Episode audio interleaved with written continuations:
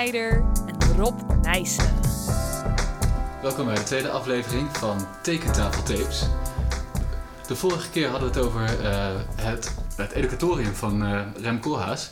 En je zei toen je daar binnenkwam dat, dat ze je misschien al kende van een ander project. Eh, namelijk wat je met Bentham Krauwel had gedaan, het Sonsbeek paviljoen. Want Ja. Dat was eigenlijk een project wat een beetje naam maakte. Ja, dat klopt. Eh, Het was een, mijn eerste kennismaking met constructief glas, dus glas in een hoofddraagconstructie toegepast. Eh, eigenlijk eh, was het een idee voor de tentoonstelling in Zonsbeek. Een grote beeldententoonstelling die elke vier, vijf jaar gehouden wordt. En in 1986 moest er eentje komen. En toen hadden ze het idee om kwetsbare kunstwerken, dus kunstwerken gemaakt van papier of pigment of hout, in een soort glazen tunnel te zetten en daar dan die in het park te laten zien. Dat mensen van buiten door het glas heen naar die kunstwerken konden kijken. Een vitrine eigenlijk. Een soort grote vitrine, ja. Beschermd voor de regen en de wind, daar komt het eigenlijk op neer. En de jonge architecten, toen nog jonge architecten, Benjamin Krauwel, die wonnen die prijsvraag en die mochten toen een glazen tunnel bouwen naar hun ontwerp. Nou is het natuurlijk heel moeilijk om een glazen tunnel te maken, want die zie je niet. Hè? Dat, eh, is een beetje vervelend voor architecten, iets bouwt wat je niet ziet. Maar goed, dat, eh, dat was hun idee. En ik werd als jonge ingenieur aangewezen om dat eh, constructief te begeleiden en zorgen dat dat een gezonde constructie wordt. Dan moet ik zeggen dat ze wel een buitengewoon aardige eh, constructief voordeel had. Want het was maar voor één seizoen. Eigenlijk vanaf april tot, of maart, april tot oktober. Dus alleen het zomerseizoen. Daarna hield de tentoonstelling op en dan zou je afgebroken en verkocht moeten worden. Oké. En ehm, dat betekent ook dat je niet de volle, bijvoorbeeld de volle windbelasting hoeft te rekenen, maar omdat het een kleine periode is, mag je dat reduceren. Hoeveel is altijd weer overleg, maar dat is mogelijk. De veiligheid kan, mag minder zijn, laat ik het zo zeggen. Ja. Dus dat bood mij de mogelijkheid om iets experimenteels te doen, want dan zou het de gebouw te zeggen, nou het is maar voor een eh drie kwart jaar en dan wordt, nou wordt het weer afgebroken. Hè. Het hoeft geen winter of eh, orkaan van eens in de 200 jaar te doorstaan. Ook geen sneeuwbelasting gerekend dus. Eh, jawel, maar eh, niet de volle map, om het maar zo te zeggen. Dus we begonnen te ontwikkelen en nou ja, eigenlijk een tunnel is heel simpel, hè? twee wanden en een dak. en toen eh, moeten we ook de windbelasting op de gevel, het is een langwerpige tunnel, die van een pad naar een grote villa, witte villa midden in uh, Fronsbeek liep. Om die eh, ja, constructief goed te krijgen, want er kan natuurlijk de wind op staan en die blaast dan tegen de gevel aan. Die gevel die buigt dan door, want dat is een enkele glasplaat, dus je moest dan versterkt worden met vinnen. Dat is eigenlijk een hele oude techniek die uit de uh, autoshowrooms in Amerika komt in de jaren 50. Oh ja? Dus hele grote uh, Cadillacs en uh, Dodge en uh, noem ze maar op willen laten zien. En dat de mensen kwijlend daar voor het raam stonden naar binnen te kijken. En dan mochten natuurlijk niet stalen uh, constructie zitten. Het moest allemaal glas zijn. Dat het verzonnen om glazen vinnen tegen de glasplaten aan te zetten, dat het dus uh, stevig werd. Nou, die techniek gingen we ook voor de kolommen toepassen. En die kolom die zou dan ook meteen het balk kunnen dragen van het dak. En was dat in Nederland al toegepast? Nee, dat is eigenlijk uniek. En volgens mij zelfs in de wereld uniek. Oké. Okay. Ja. In die tijd? In die tijd zeker. He, alhoewel, ik moet wel zeggen, er waren al wat ontwikkelingen, in, zeker in Engeland, had je een soort high-tech architectuur. Ja. Uh, Rogers en ook uh, die jonge Foster, uh, toen nog jonge Foster deed er aan mee. He, dat, heel technisch zagen de, de, de architectuur eruit. Ja. Waar ze vooral technieken uit de zeiljachtbouw in gebruikten. Dus masten die met stalen kabels waren verstijfd en, en dat soort technieken. En nieuwe materialen ook. Dus de technische kant van, uh, van de architectuur werd daar belangrijk. En dan hadden ze ook wat uh, glasconstructies gemaakt. Waar dus uh, zeker bij Arab, een beroemd ingenieur. Oeh, is het nou ook alweer? Nou, McFarlane? Nee, niet. Nee, nee. Nou ja, komen we straks wel op. Okay. In ieder geval, die, die had al ook bij in, in Frankrijk grote glasconstructies gemaakt met uh, knopen, allemaal gegoten knopen, heel technisch allemaal. Maar ook glas toegepast werd als hoofddraagconstructie. Rice dan? Ja. Peter Rice? Peter Rice, Peter. Rice, that's the name. Ik heb hem één keer gezien in mijn lezing in, het, uh, in de Academie van Bouwkunst. Oké. Okay. Dat was fascinerend. ja, een legende is het hè? Ja, ja echt een echte legende. Helaas veel te vroeg overleden. Hij heeft een hersentumor. Hij heeft nog wel een mooi boek geschreven over zijn werk. En wat hij toen vertelde in, uh, in Amsterdam was uh, dat hij voor de wereldtentoonstelling in Sevilla had hij een soort gotische vlakke gevel gemaakt met die grote gotische ramen. En die werd dan met kabels werd die opgespannen om de, de, de wind in dwarsrichting op te vangen. Een prachtig kunstwerk. Ja, ja, dus dat is een voorbeeld van die high-tech glas ja, ja, ja. En die konden ze weer helemaal uit elkaar halen door alle kabels los te draaien, de spanning eraf te halen. Konden ze alle stenen weer eruit halen. Want de wereldtentoonstelling is altijd tijdelijk natuurlijk. Ja. Om dan weer uh, hertoepassen. Maar goed, die mensen in Engeland hadden dus ook een beetje gewerkt met dit soort principes. En die gebruikten wij ook als inspiratiebron. We kwamen dus op het volgende concept. Vlakke platen in de gevel. Enkel glas zou nu niet meer mogen. Nee. maar uh, versterkt door vinnen. Daar loodrecht op. Ook enkel glas die vinnen? Ook enkel glas die vinnen. Zou ook nu niet meer mogen. En het dak, balken. Eerst van glas. Maar dan begonnen de architecten begonnen te twijfelen. Van ja, moeten we alles van glas maken? Dan gaan we dan een, uh, een, een, ontwerp maken wat je niet meer ziet. En dat is natuurlijk de schrik van elke architect, zeker een jonge architect, dat je iets bouwt en niemand ziet het. Hè? Dat kan niet. Ja, precies, want dit was ook hun, hun bod voor faam, zeg maar. Eigenlijk wel, begin van hun uh, carrière, aan het begin van hun carrière. Ja, ja. dus dit moest, moest ook hun carrière lanceren, als het ware. Ja, ja.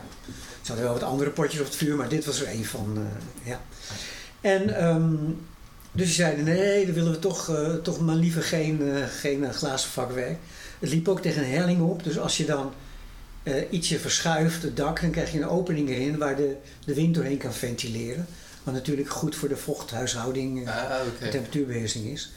Dus het werd een klein vakwerk. Het moest wel zo minimaal mogelijk zijn. De diagonalen moesten, mochten niet dikker zijn dan, dan 10 mm. maar goed, dat konden allemaal uitrekenen. Het was een klein gebouwtje, dus dat ging allemaal wel goed. Dat is een klein vakwerkje wat... Klein stalen slingervakwerkje van die VVV oh, ja. achter elkaar. En wat dan, uh, wat is het, 4 of 6 meter of zo? Uh, 4,5 meter was ja. de breedte van het. Uh, en 3 meter hoog. Die vakwerkjes ondersteund door de, door de glazen gevel. Ja, die waren vastgemaakt aan de glazen vinnen. Er werden gaten doorheen geboord. En er werd, zouden we tegenwoordig ook niet meer doen, werd het staal tegen aangeklemd met een bout. Okay. Ja, dus staal tegen glas, dat mag tegenwoordig ook niet meer. Nee. Maar toen ging het goed allemaal en het heeft het ook prima overleefd allemaal. Het heeft zelfs één storm overleefd, windkracht uh, 8.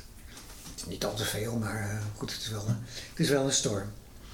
Nog een leuk detail was de, de, de, de verticale fin in de gevels. Daar zaten eigenlijk twee glasplaten, kwamen tegen elkaar aan. Daar zat dan de fin achter, die de stijfheid voor de wind op de gevel geeft. Ja. En er werd een siliconen voeg werd er gelegd. Voor de waterdichting natuurlijk en ook om alles aan elkaar te kleven. Ja. Maar siliconen is geen sterke lijm. Hè. Dat kan maar 1, 2 newton per vierkante millimeter hebben. Dan uh, heb je het wel gehad. En uh, we moesten ook langstabiliteit geven. Hè, dat de hele boel niet als een kaartenhuis kon gaan heen en weer zwaaien. Ja. Dus er moesten eigenlijk in die siliconenvoeg moesten schuifspanningen worden overgedragen. Ja, precies. Dus als je al die gevelplaten naast elkaar zet ja. en in, in de richting van die gevelplaten komt een windbelasting, ja. ja, in hun vlak, dan zouden ze inderdaad allemaal langs elkaar willen schuiven. Ja, en dat moet dan die siliconenvoeg opnemen. Ja. Nou, was de vraag dus hoeveel spanning kan zo'n voeg hebben op schuif? Hè? Nou, wij kijken in de literatuur, was het dus niet. Maar de, de fabrikant, een hele grote firma uit Amerika. Uh, nou ja, ik nou weer kwijt, maar goed. Zou dat Dow Corning zijn? Uh, Dow Corning, ja, ja. ja Dow Corning uh, Industrie of zo. En die hadden wel wat gegevens, maar ja, fabrikanten kun je eigenlijk nooit vertrouwen, want die geven altijd een rooskleurig beeld. Net als de, de afstand die een elektrische auto kan rijden, hè, dat wordt onder ideale omstandigheden gemeten. Dus. Nou, ik kan me voorstellen dat zo'n Amerikaans bedrijf juist misschien uh, wat aan de conservatieve kant een inschatting maakt in verband met mogelijke schadeclaims door instorting van Ja, maar de lijmfabrikanten zijn heel slim, die geven geen enkele garantie. Ah, oké. Okay. Dus ze geven een indicatie die te rooskleurig ja. is, maar vervolgens geven ze. Vervolgens trekken ze het helemaal terug, ja. Okay. ja. Het enige als er overduidelijk een fout in de lijm heeft gezeten door een chemische fout of zoiets dan krijg je een nieuwe pot lijm. Dat is eigenlijk de enige garantie die je krijgt. nou, mooi. Daar mag je blij mee zijn. Mag je heel blij mee zijn. Maar goed, uh, dus die zeiden, nou ja, ik kan wel 1,4 newton per vierkante millimeter schuifspanning hebben. Dus ik rekende, nou we bleven daar, uh, het was al eenvoudige computermodellen. Ik bleef er dik onder, 0,1, 0,2 newton per vierkante millimeter. Hm. Dus ik ben naar bouwtoezicht en zeg van, nou, eh, ik kan zoveel hebben en dit zegt de fabrikant. En die mensen denken, ja, maar dan wordt er gemaakt en het waait en er komt wel zand in de voeg. En eh, misschien zitten ze met de vette handen, zitten ze aan het glas en hecht het niet goed, en noem maar op. Ja, We geloven er niet in.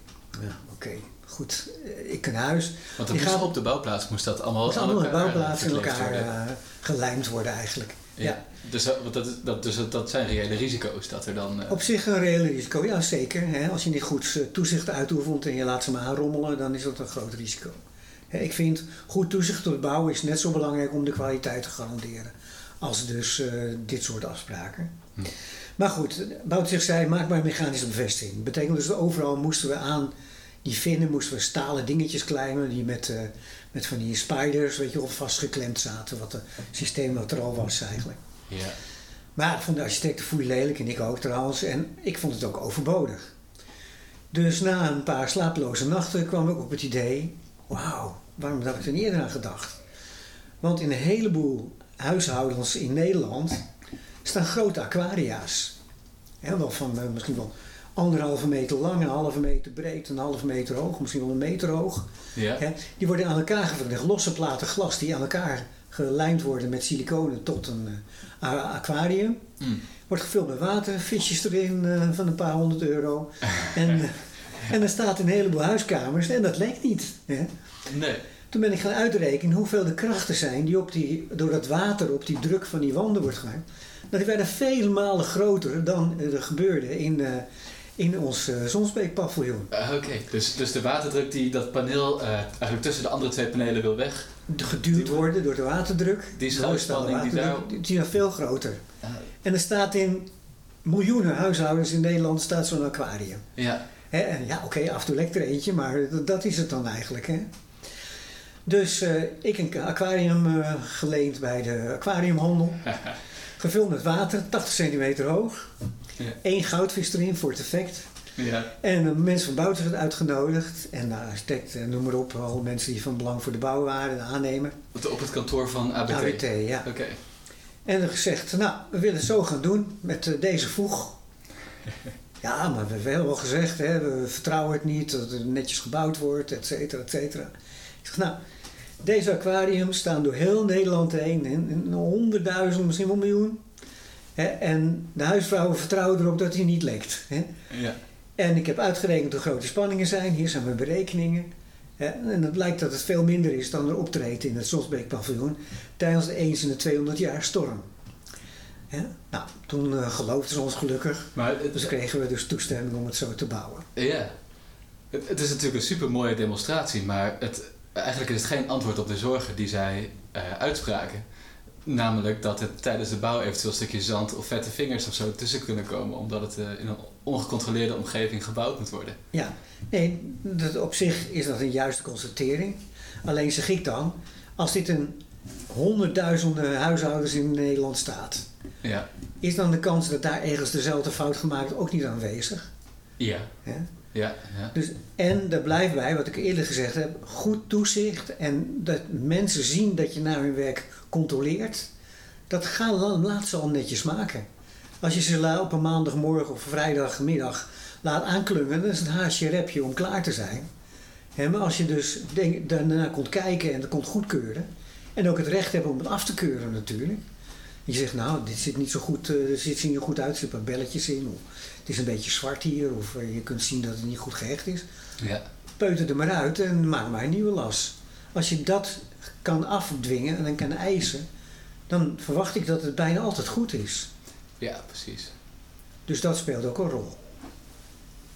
Oké, maar dus door de demonstratie eh, waren ze eigenlijk akkoord gegaan. Gelukkig wel, ja. Dat is trouwens een algemeen aspect hoor. Als mensen iets niet vertrouwen, om een heleboel redenen, deels emotioneel, deels eh, terecht, hè, wat we net over hadden. Ja, maar er kan toch dit tussen zitten, zand tussen zitten, vies zijn, noem maar op. Hè, of ze doen het onzorgvuldig die lijm aanbrengen. Dat kan allemaal, maar je moet dus wel altijd voor zorgen dat er goed toezicht is, dat het goed gecontroleerd wordt en dat je daar van, van uit kunt gaan. Ja. En als je dan nog twijfels hebt of het goed werkt, zelfs als je alles goed gecontroleerd hebt, dan moet je gewoon een proefbelasting doen. Ja. Nou is het bij, eh, bij, bij het paviljoen zou het niet zo moeilijk, zou het wel moeilijk geweest zijn. En je kunt je bijvoorbeeld stellen als je een trap gemaakt hebt, wat we ook gedaan hebben, van glazen treden en glazen optreden en aftreden aan elkaar gelijmd. En dan kunnen ze ook zeggen, ja, maar we twijfelen aan of dat... is. nou, gewoon proefbelasting op die, eh, op die trap. Allemaal zandzakken erop eh, stapelen. Ja, Hè, tot eh, één of twee keer eh, de maximaal mogelijke belasting. En als hij dat overleeft, is hij gewoon goed. Hè, en dat staat gelukkig ook in de normen. Je mag een proefbelasting doen om aan te tonen dat je constructie veilig is. Dus dat is een mooie manier om niet alleen berekeningen te maken, want berekeningen, ja, daar kun je altijd mee manipuleren. Hè. Kun je invoergegevens wijzigen, je kunt uitvoergegevens wijzigen, je kunt selecteerdingen doen. ja, Hè, maar een proefbelasting is echt het eerlijkste wat er is. Het is gebouwd op de plek. Hij staat er nu zoals hij gebouwd moet zijn. En je gaat een proefbelasten. Als hij dat overleeft, is hij gewoon goed. ja, zien is geloven. Is hij eens geloven, duidelijk. En voor, de, voor dit, nou laten we zeggen, eerste constructief, ik weet niet of ik dat kan zeggen, eerste constructief glazen bouwwerk in Nederland. Ja, dat durf ik wel te zeggen. Ja, Ja, ja.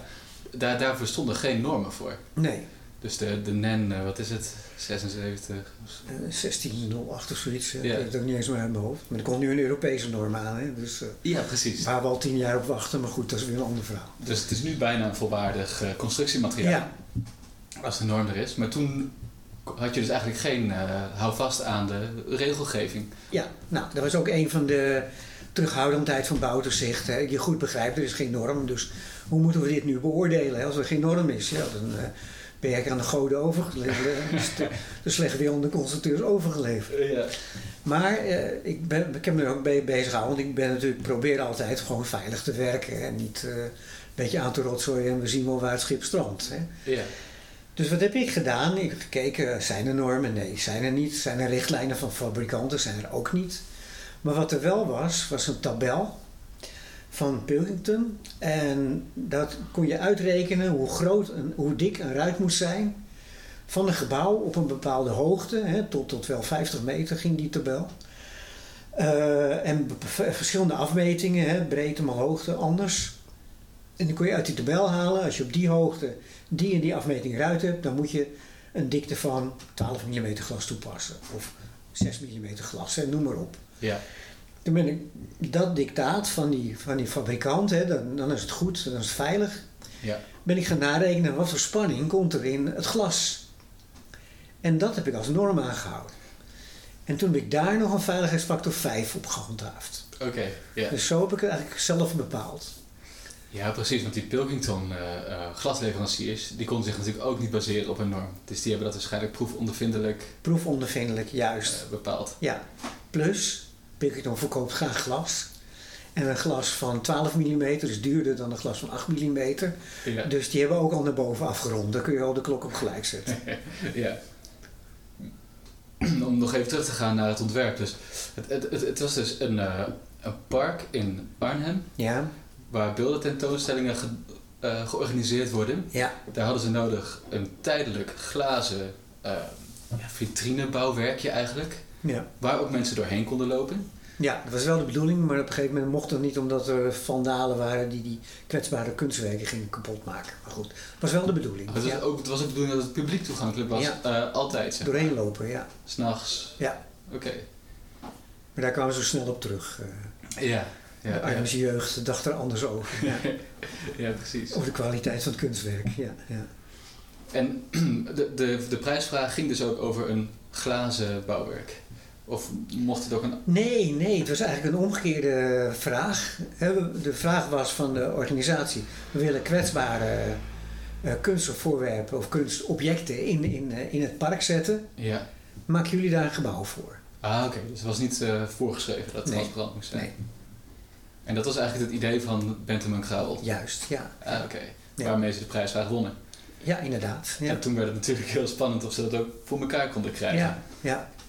En hoe, hoe komen ze dan eh, bij... eh, Kijk, je hebt een specialist nodig, denk ik. Een specialist-constructeur. En jij was op dat moment nog geen Nee, glasspecialist. totaal niet. En Nee. Eigenlijk was er geen één in Nederland. Ja, oké. En, maar ja, de vraag stond er wel. En bij zo'n organisatie hebben ze nooit geld. Ja, voor kunstwerken, maar niet voor eh, de boel eromheen. Ja. Dus dit moest allemaal door sponsors betaald worden. En ABT, waar ik toen werkte, was een van de sponsors die zouden de constructie berekenen en zorgen dat het een goede constructie wordt. Omdat ABT ook in Arnhem is gevestigd. Ja, precies. En ehm, ik werd aangewezen door mijn uh, bazen hè, van Rob, jij vindt het leuk om rare dingen te doen. Ja. Ga jij er nou eens helemaal induiken? Ah, oké. En ik kreeg ook hulp van een heel goed een directeur die allemaal slimme constructies maakte. Zoals Burgers Bush en het ministerie van Vrom in Den Haag had hij als constructeur gedaan. Ah, oké. Dus ik kreeg wel hele goede ondersteuning en, en leiding eigenlijk. Ja. Alleen ik moest dus gaan uitzoeken hoe dat glazen ding in elkaar gezet kon worden. Ah. En uiteindelijk heeft dat ABT ook geen windeieren gelegd, hè? dus die sponsoractie. Nee, zeker niet. Want daardoor ja. is ABT een soort specialist in glas geworden, eigenlijk, ja, zou ik ja, maar zeggen. Ja, ja, zeker. Ja.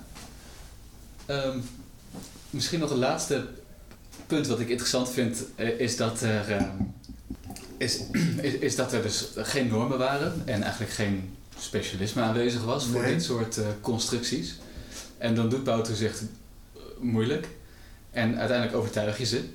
Maar een aantal dingen waar ze schijnbaar niet moeilijk over hebben gedaan, namelijk uh, redundantie in de glazen vinnen en in het dak en in de gevelpanelen, hè, dus door te lamineren, ja. uh, daar hebben ze daar hebben ze niet op, ge, op, ge, nou, op gekeken, blijkbaar. Nee. nee, en ik zelf ook niet, moet ik eerlijk zeggen hoor. Nee. nee.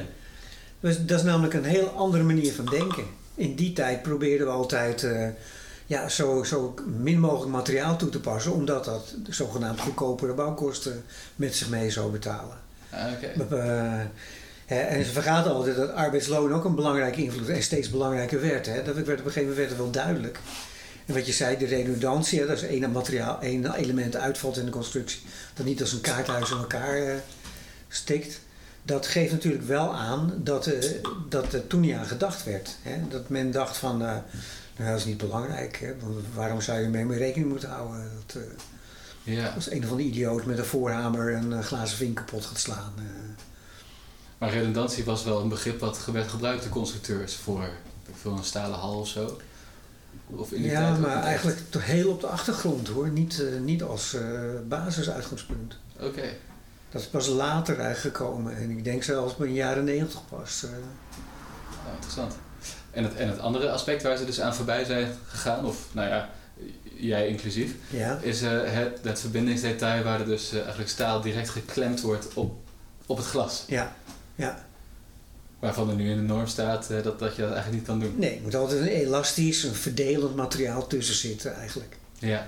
Ja, daar kwamen we al vrij snel achter hoor, moet ik eerlijk zeggen. Ook tijdens de bouw van een paviljoen? Nee, nee, nee, gelukkig niet. Oké. Okay. Want ik geloof zelfs dat we daar toch maar een plaatje veel tussen ge gedaan hadden.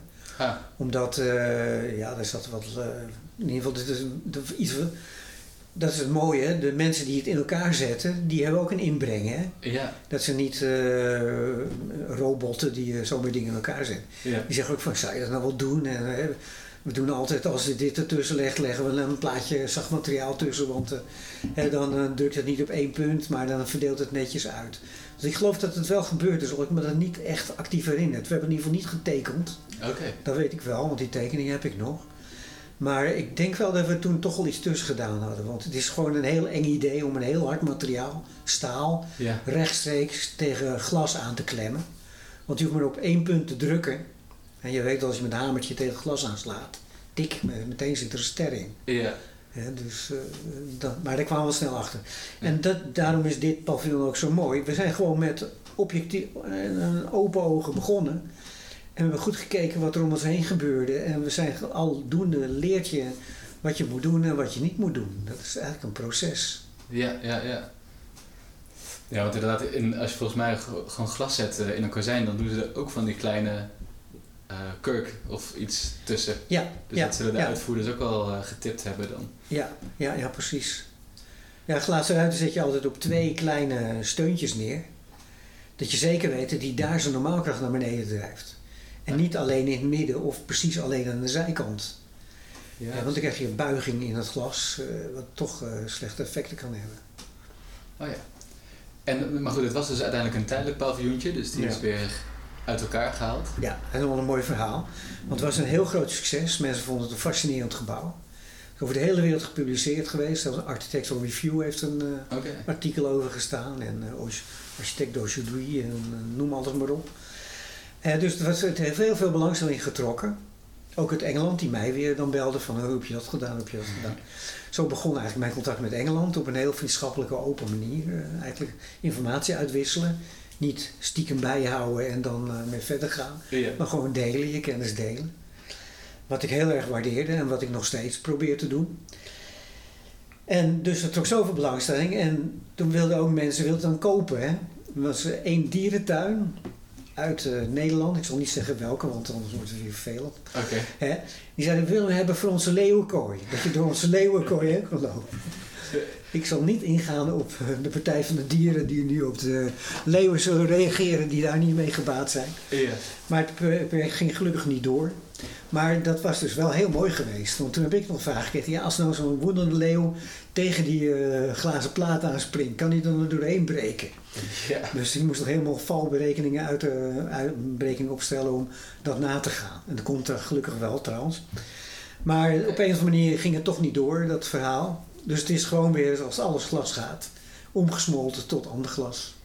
En daar was het wel goed dat het niet gelamineerd was natuurlijk. Ook, ja. ja. Makkelijker recyclen. Hoewel dat tegenwoordig nu ook goed kan hoor. Gelamineerd glas kan ook goed gerecycled worden. Oké. Okay. Op een speciale manier, maar het is mogelijk. Ja. Ah. ja, dat is misschien een onderwerp van een andere keer. Ja. Maar goed, uh, toen uh, met dat project uh, um, ja, heb je dus in allerlei tijdschriften gestaan. En uh, vanaf dat moment uh, wisten de waarschijnlijk de mensen in Nederland dat ze bij Bentham Crowell terecht konden voor high-tech uh, architectuur. Ja. En bij ABT of bij jou voor ja, experimentele precies. constructies en Ja. met name glasconstructies. Ja. En je ziet het mooi ook als je iets bouwt wat echt experimenteel is. Dat trekt veel aandacht. Dus ik heb ook lezingen gegeven op de Academie van Bouwkunst, op de TU Delft, de TU Eindhoven. En uh, zelfs bij Kringen, Alkmaar van de architecten en uh, Kring Smolle. Ja, die het allemaal interessant vonden om te horen. En dan praat je erover en dan, dan begint je naam begint doorverteld te worden. Hè. Tegenwoordig heb je internet, maar in die tijd was er nog uh, de tamtam bij wijze van spreken. Ja, ja. Dat je naam bekend werd. Maar dat werd ook bekend, ook bij jonge architecten. En dan zie je, die gaan dan contact zoeken van hoe hebben jullie dat gedaan? En wij zijn dit van plan, hoe zouden we dat doen? En dan komen de volgende projecten. En dat is eigenlijk een sneeuwbal die van een berg afrolt. Dat wordt langzamerhand een steeds grotere sneeuwbal. Hè? Dus toen kwamen de andere projecten. Aha. En ook de andere loopbruggen bijvoorbeeld uh, in glas kwamen eruit voort. Ja, want dat was het volgende glasproject. Uh, ja. Een loopbrug. En dat was, uh, dat, dat was dus een van die jonge architecten dan, denk ik? Ja, die Dirk-Jan Postel. Ja. Dirk-Jan Postel, okay. ja, van ja. Kruivanger Architect. Kruivanger Urbus heette het toen nog, ja. Ah, ja. Ja, die benaderde mij van, uh, we hebben twee oude panden in, in Rotterdam, twee waterleidingszuiveringsbedrijven aan de rivier, heel mooi gelegen, uh, bij een, uh, ik weet niet hoe dat deel van Rotterdam heet, maar tegenover de Feyenoordkuip is dat. Oh, Kralingen of? Nee, niet onder Kralingen, nog aan de rivier. Ah, oké. Okay. Maar in ieder geval daar hadden ze dus die twee waterleidingsgebouwen. Eerst zat ze in het ene gebouw, maar het groeide en groeide een kantoor. Dus dat de buren.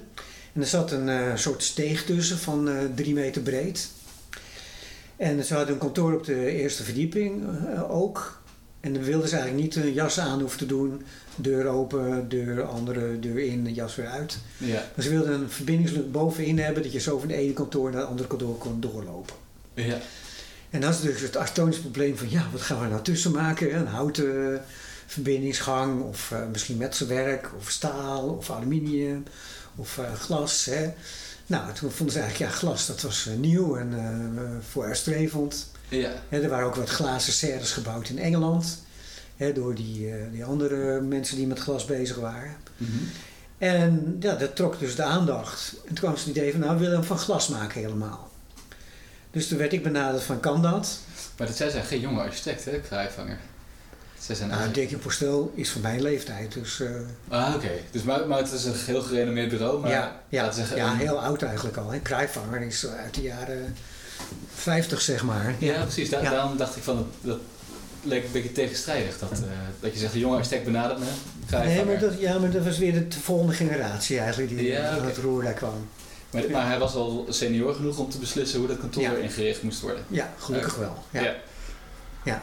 Alhoewel moeite gehad heeft om zijn, eh, zijn compagnons te overtuigen om deze investering te doen. Want je praat toch gauw over een, eh, een ton wat je moet eh, betalen aan de glasindustrie. Ja, ja. Terwijl je ook gewoon een paar stalen balken neer kan leggen. Ja, een paar stalen balken en een paar gewone glazen ruiten erin zou ook al genoeg zijn. Ja, dan ben je voor nog geen... Dat kost misschien 10.000 euro en dan, dan heb je al een verbindingsgang Ja. met een eh, pannendakje als je dat nog wil.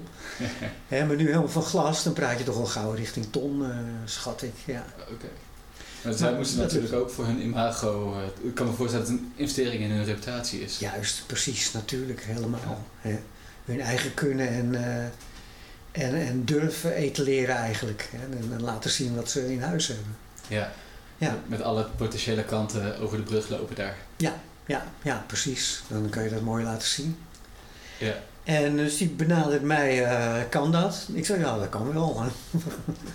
Want als ik eh, zo'n tunneltje kan bouwen, dan kun je ook eh, een tunneltje in de lucht bouwen. Hè? Dat, Ja, ja, een beetje andere belastingen nog, denk ik. Hè? ja, tuurlijk. Maar het principe van dragen, hè, balken, platen, is hetzelfde eigenlijk. Ja. Of ze nou door de wind belast worden, die balken, of door mensen die er bovenop staan. Dat maakt eigenlijk niet zoveel uit. Voor een constructeur. Ja. Ja, ja, ja. Voor die mensen wel natuurlijk. Ja, ja. Dus eh, dat ging verder en ze hebben dat netjes uitgewerkt met heel speciale details, hele mooie details. Ook deels met, eh, wel met mechanische verbindingsmiddelen, dus stalen verbindingsmiddelen. Omdat ze niet eenmaal willen vertrouwen op alleen maar de, de kit. Want dit was dus voor de eeuwigheid tussen aanhalingstekens en niet voor tijdelijk. Ja. Hè, dus moest het een orde, de, eh, orde degelijker worden en steviger worden uitgevoerd. Dus zij kozen wel voor mechanische verbindingen. Dat was heel mooi gedetailleerd. Die hebben ze zelf gedetailleerd. Ja, Zonder eh, inspraak van jou? Of, eh? helaas niet. Nee, Oké, ik heb wel mogen zeggen of het goed is, maar ik heb er niet aan meegedacht hoe het eh, ontstaan is. Oké, dus zij, zij Het beheersen een het eigen kracht. ja, ontwerp ja, eigenlijk ja, goed. Ja, nee, zijn eigen kracht. Ja. Ja. En die mechanische verbindingen, dat is meer wat een beetje op Peter Rice eh, zijn architectuur Juist, ja, ja, precies. Ja. Dus hebben ze Ja. daar goed naar gekeken hebben, denk ik. Daar ga ik vanuit. Ja, ja. Ja. Oké, maar dat, dat presenteerden ze aan jou? Van, eh, oké, dit zijn de twee gebouwen. Dit is het ontwerp wat we hebben gemaakt. Eh, kan, Kan is het dat? oké ja, zo? ja. En wat ik moest doen was bepalen hoe dik het glas moest zijn. Hè? Ah, oké. Dus wel de dimensies uitrekenen en zo. En ik ben ook eens praten met Bouwtoezicht Rotterdam. Dat is een heel goed bouwtoezicht, een heel goed kennis in huis. Ja. ik zeg, nou, dit wat willen we doen. En dit zijn uitgangspunten. En, eh, dit- Toen zei ze, oké, is goed, eh, doe maar. En we eigenlijk zonder enige problemen hebben we daar bouwvergunning voor gekregen. Ja, want ze hebben vaak problemen met chemische verbindingen, kan ik herinneren. Juist, ja, ja, Ja. ja. Lijmen vertrouwen ze niet. Maar daar hadden de krijgvanger mensen al over nagedacht door alvast... eh, Misschien wel, misschien wel. Ja, ja. Zijn een paar secundaire dingen, vooral waterdichting, die wel door eh siliconen worden vergunning. Maar die zijn niet voor de krachtoverdracht van belang. Wel bijvoorbeeld voor de stabiliteit, hè, voor de plooien en de knikken van, eh, van de platen. Worden ze wel gebruikt, maar dat is secundair eigenlijk. Hè. Dat, eh, Hm. dat is geen hoofddraagconstructie. Ja, oké. Goh, dus dan... Eigenlijk had het architectenbureau... een beetje grof gezegd, had je eigenlijk bijna niet, had jou bijna niet nodig, zeg maar. Ze hadden eigenlijk al... Misschien voor het aantonen dat het voldoet. Ja, nou, nu komen we op een, een kwe- een kwetsbaar punt. Hè. In hoeverre kan een architect alles? Hè? Ja. Kijk, het- het begint al met de uitspraak kan het of kan het niet. Hè, dat is eigenlijk een, een gewetensvraag. Hè? Ja. En dat kan de architect dus niet beantwoorden. Dat moet de constructeur doen. Nee, dat was ook de eerste vraag die ze jou stelde. Ja, ja. En dat vind ik ook het goede samenspel. Hè? Op basis van gelijkwaardigheid, maar wel met respect voor elkaars positie. Kijk, ik ga niet zeggen tegen die architect, ah, wat een lelijke detail heb je daar gemaakt, eh, dat doe je maar anders. Hè? Ja. Maar de architect moet mij heel vertrouwelijk zeggen, ja, ik moet eh, drie lagen van 10 mm glas nodig hebben. Ja, wat dik en wat kost dat veel. En, eh, hè, dan moeten ze mij vertrouwen, dat is gewoon zo. Hè? Ja. Dus zo bepaal je met elkaar, bepaal je eigenlijk het gebouw. Hè, dus niet de een zegt alles en de andere knikt ja en rekent het uit. Of andersom, ik reken het uit en zegt de architect, zo moet het. Hè. Ja. En er moeten tien kolommen onder, bij wijze van spreken. Hè. Dat, eh, Dat respect moet aan beide kanten zijn en dan ontstaat er een goed product. Ja, precies. Maar ehm, de verbindingen die waren al uitgedetailleerd. Ja. Terwijl je zou zeggen dat is eigenlijk een mooi terrein waar de architect en de constructeur eigenlijk samen eh, hun expertise kunnen Ja. bundelen. Dat is mijn ideaal. Dan maak je volgens mij nog een kwaliteitsslag. Ja, Alleen Rotterdam moet ik zeggen, die zien er prima uit hoor. Dus dat, daar had ik weinig aan kunnen, kunnen toevoegen. Ja. Ik voelde ook niet toen. Kijk, als het lelijk en grof was geweest, dan had ik eh, wel ingegeven gezegd, nou het kan ook zo en zo. ja, Heel op een vriendelijke manier zeggen dat het anders kan natuurlijk. Maar het was al zo mooi en elegant, het was gewoon niet nodig. hè. Dus dat betreft, dat is hun kracht. ja. Oké, dus, en, dus het, het, het was een eh, glazen brug tussen twee gebouwen. Ja, ehm, met stalen, mechanisch, of RVS denk ik. RVS, ja. eh, mechanische verbindingen. ja. Dus dan moet ik denken aan een gat geboord in een glasplaat en daar een, een klembout in. Ja, Ja. ja.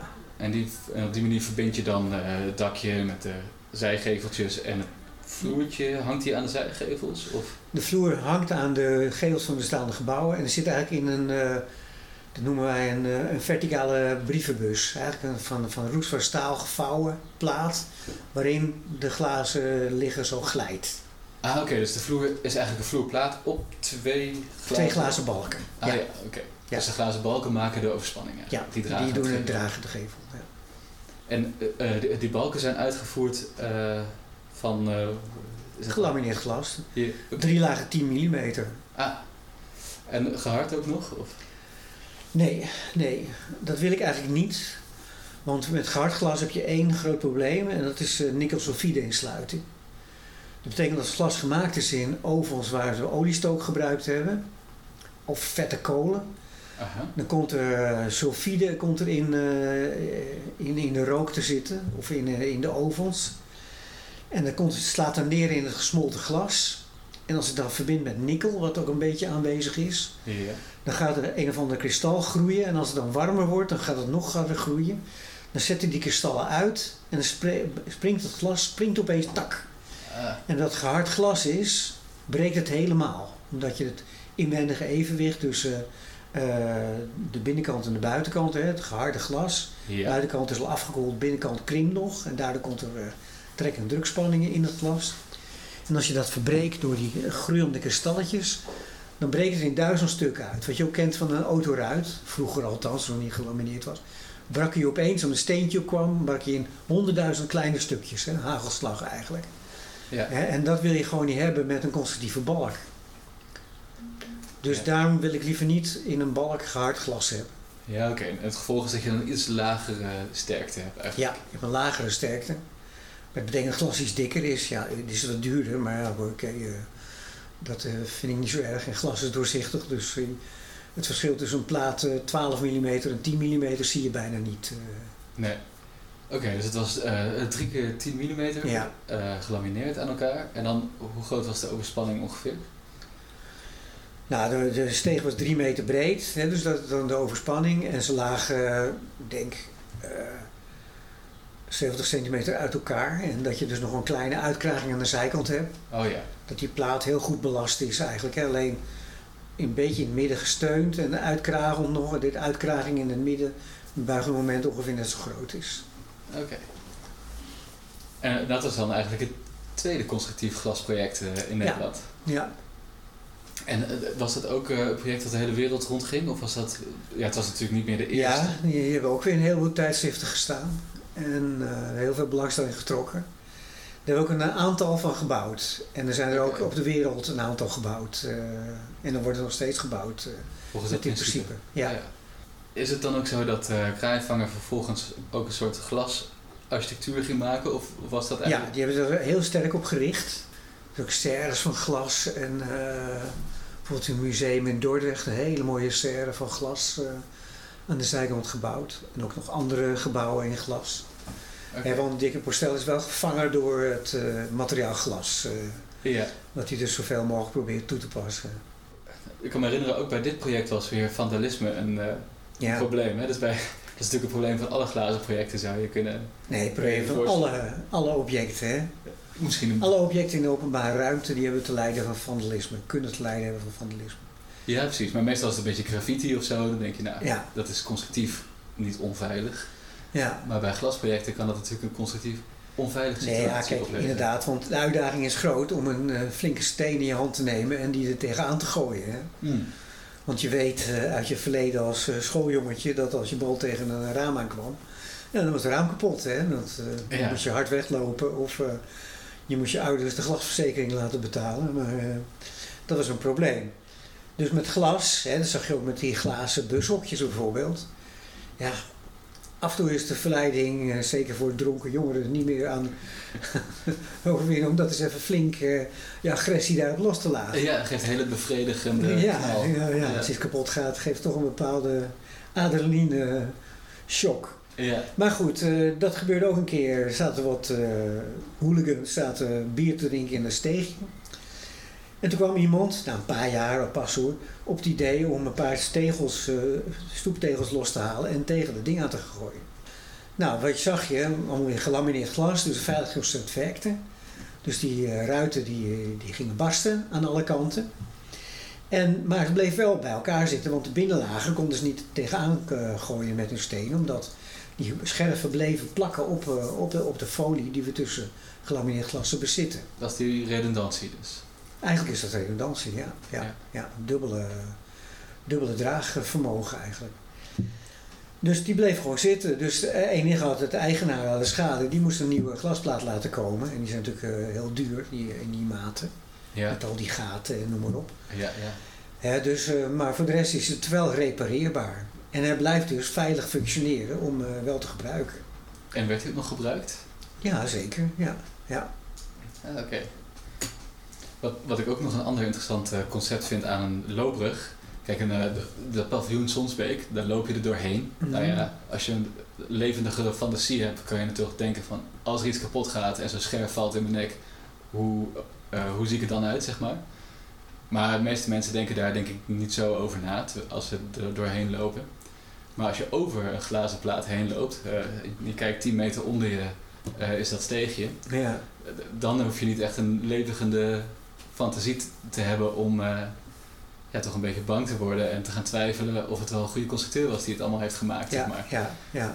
Eh, he- heb je daar nog effecten? Ja, dit was natuurlijk de eerste keer, denk ik, dat er een dergelijke glazen loopbrug gemaakt werd. Hebben jullie daar nog over nagedacht van tevoren of achteraf Ja, ja, ja, ja, hoe dat ja, ging? ja. Wat, wat ik net zei hè, van eh Sonsbeek, het paviljoen, of het glazen paviljoen, daar is, delen ze een enkel glas. Dat is eigenlijk niet goed. Wel, boven je hoofd was het glas was al gelamineerd. Ah, oké. Dat moest al in Duitsland. Onze Duitsers hadden ontdekt dat het gevaarlijk kon zijn. Dat je zo'n scherf op je Ja, een scherf op je hoofd krijgt. Een grote scherf die dan eh, door je nek snijdt en ben je nog dood ook. Ja, Dus, of een babytje in een, in een kinderwagen. ja, ja. goed, ik hoef het niet op te noemen. dus die hadden al uitgevonden, Uberkopfglasum. Hè, dat moet gelamineerd zijn, twee lagen minimaal. Ja, Hè, dat je steen op het dak gooit, hè, van buitenaf. Dat je dan blad 1 kunt breken, maar blad 2 kun je niet bereiken met je steen. Dus die blijft dan de boel aan elkaar houden en blijft dus boven je hoofd hangen. ja. In plaats van als scherven naar beneden te komen als guillotines.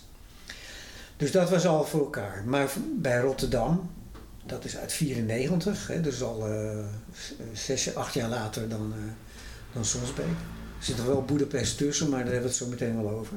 Oké. Dat, eh, daar hadden we al gezegd, alles moet gelamineerd glas zijn. En alles wat super kwetsbaar is, wat als het kapot gaat dat het naar beneden komt, Ja, dat moet niet minimaal driedubbel ge, gelamineerd zijn. Dus drie lagen. dan kun je nooit bij de binnenste laag komen. Kun je nooit bij de binnenste laag komen. Je kunt de buitenste laag van de ene kant breken, de buitenste laag van de andere kant breken.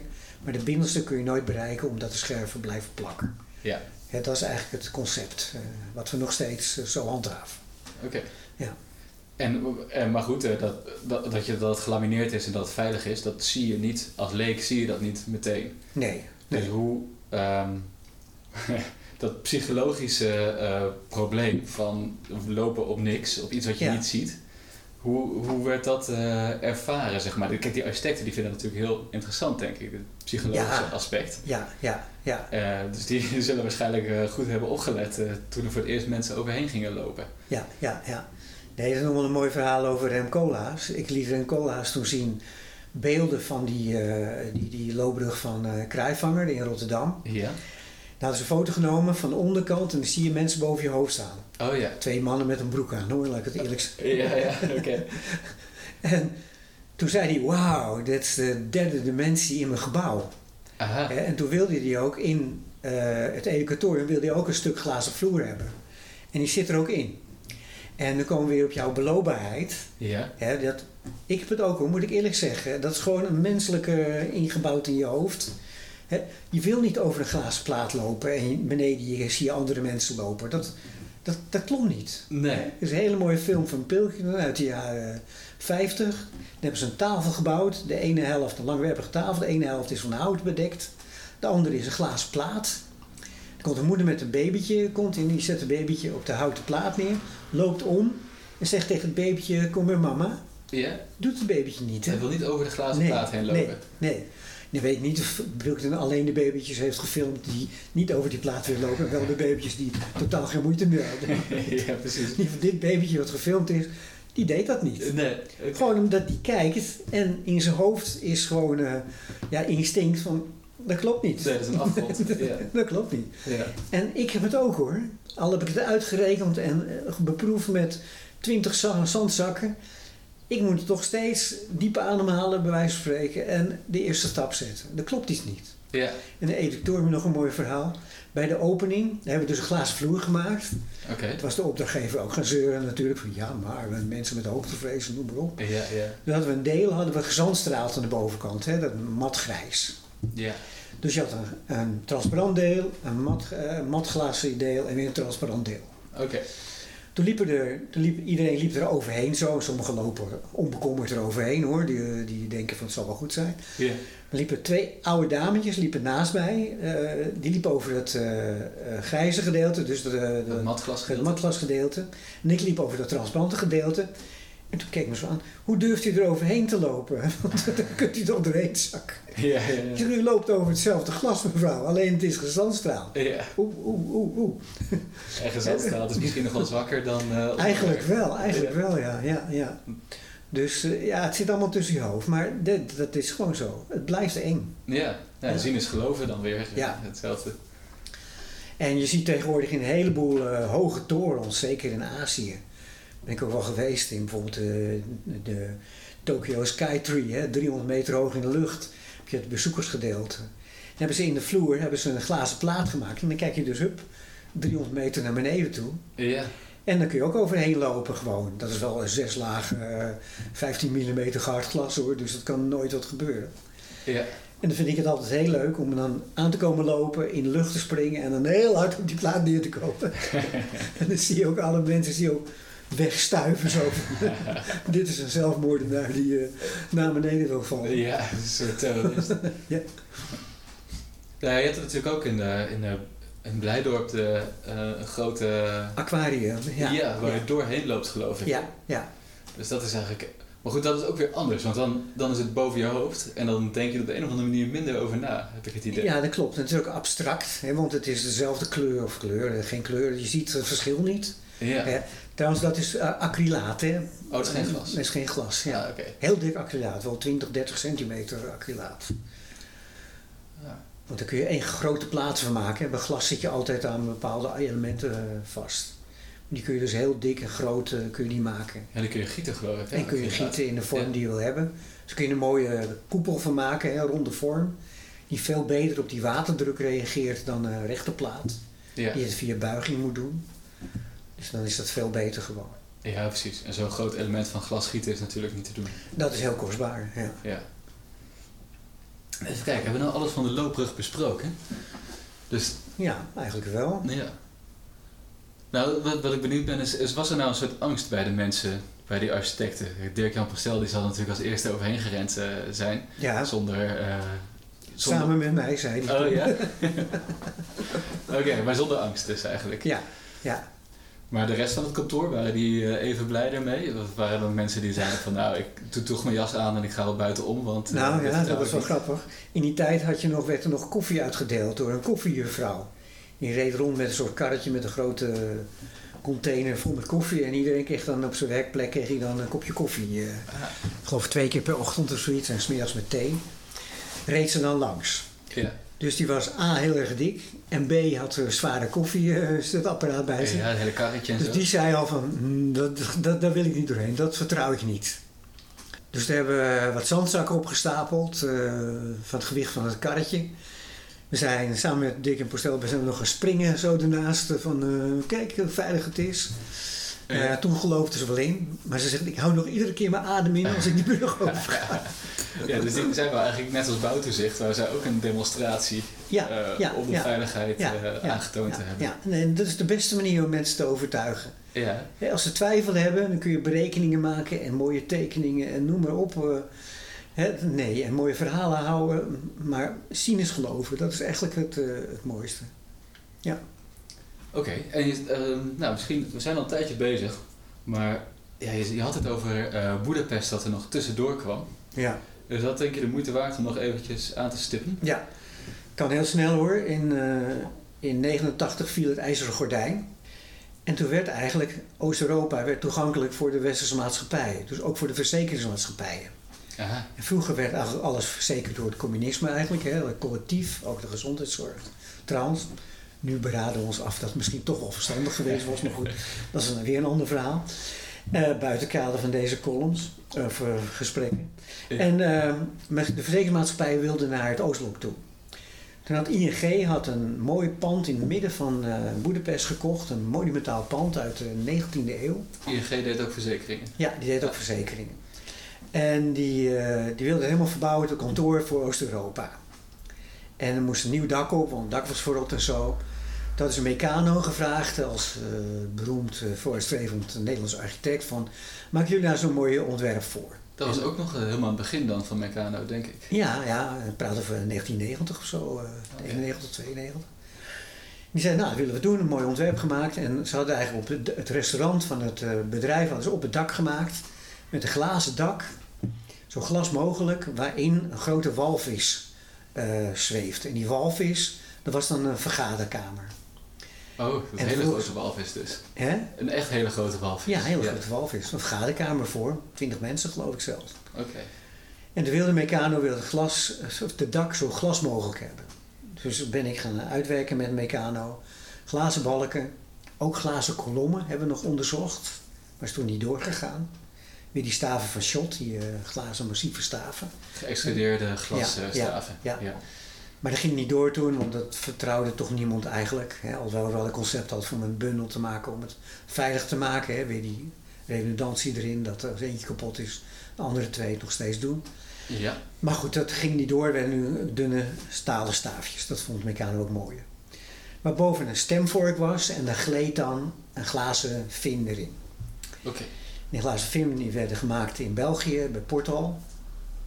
En zo werd het dak gemaakt eigenlijk. En daarop isolatieglasplaten, want het kan heel koud zijn in Boedapest. En een siliconen voeg. En daar mocht het allemaal, eh, want er waren geen lastige bouwtoezichten, want die waren afgeschaft. Oh ja. Dus dan konden we bouwen wat we willen. Ja, Dus kon je dat- letterlijk bouwen wat je wou? Eigenlijk wel, ja, eigenlijk wel. Oké.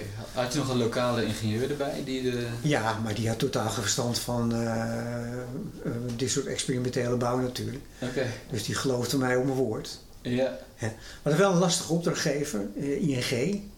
Er zaten een paar deskundige mensen bij en die zeiden van nou, toon maar aan dat dat veilig is, toon maar aan dat Ja. veilig is. Als ze een verzekeringmaatschappij Ja. zijn, dan kan ik me voorstellen dat ze daar... eh, Precies, dat is wel heel verstandig. Ja. Nee, maar net wat ik zei, goed toezicht is heel belangrijk, want dat dwingt je gewoon om je werk goed te doen. Als je weet, ik word gecontroleerd, ja, dan maak je geen Jantje verleiden vanaf, oh, het is toen goed gegaan, dus zal nu ook wel goed gaan. Hè? Dat soort ideeën. Ja. Dus daar werden ze heel controlerend. We hebben nog proefbelastingen gedaan op die eh, glazen balken, om te aan te tonen dat ze sterk genoeg waren. Aha. Bij Portal in België, dat was een heel goed bedrijf toen, eh, bestaat nu geloof ik niet meer, of het is weer overgenomen ergens door. Oké. Nog een mooi verhaal. Die balken werden gemaakt in België, werden toen in, in houten kisten gestopt. Eén voor één, en werden dan met de vrachtauto naar eh, Boedapest gereden. Ja. Kwamen ze aan de grens, Eh, wat zit er in die kisten? Glazen balken. Ja, ja, ja, oké. Maak hem maar open. Dus hadden ze die glazen kisten opengemaakt, allemaal. Hè, want ja, er kan eh, cocaïne ingestopt zijn zoiets. Ja, ja. Nou ja, dat waren glazen balken, dus dichtgemaakt. Toen hebben ze met grote spijkers hebben ze door het ding heen getild.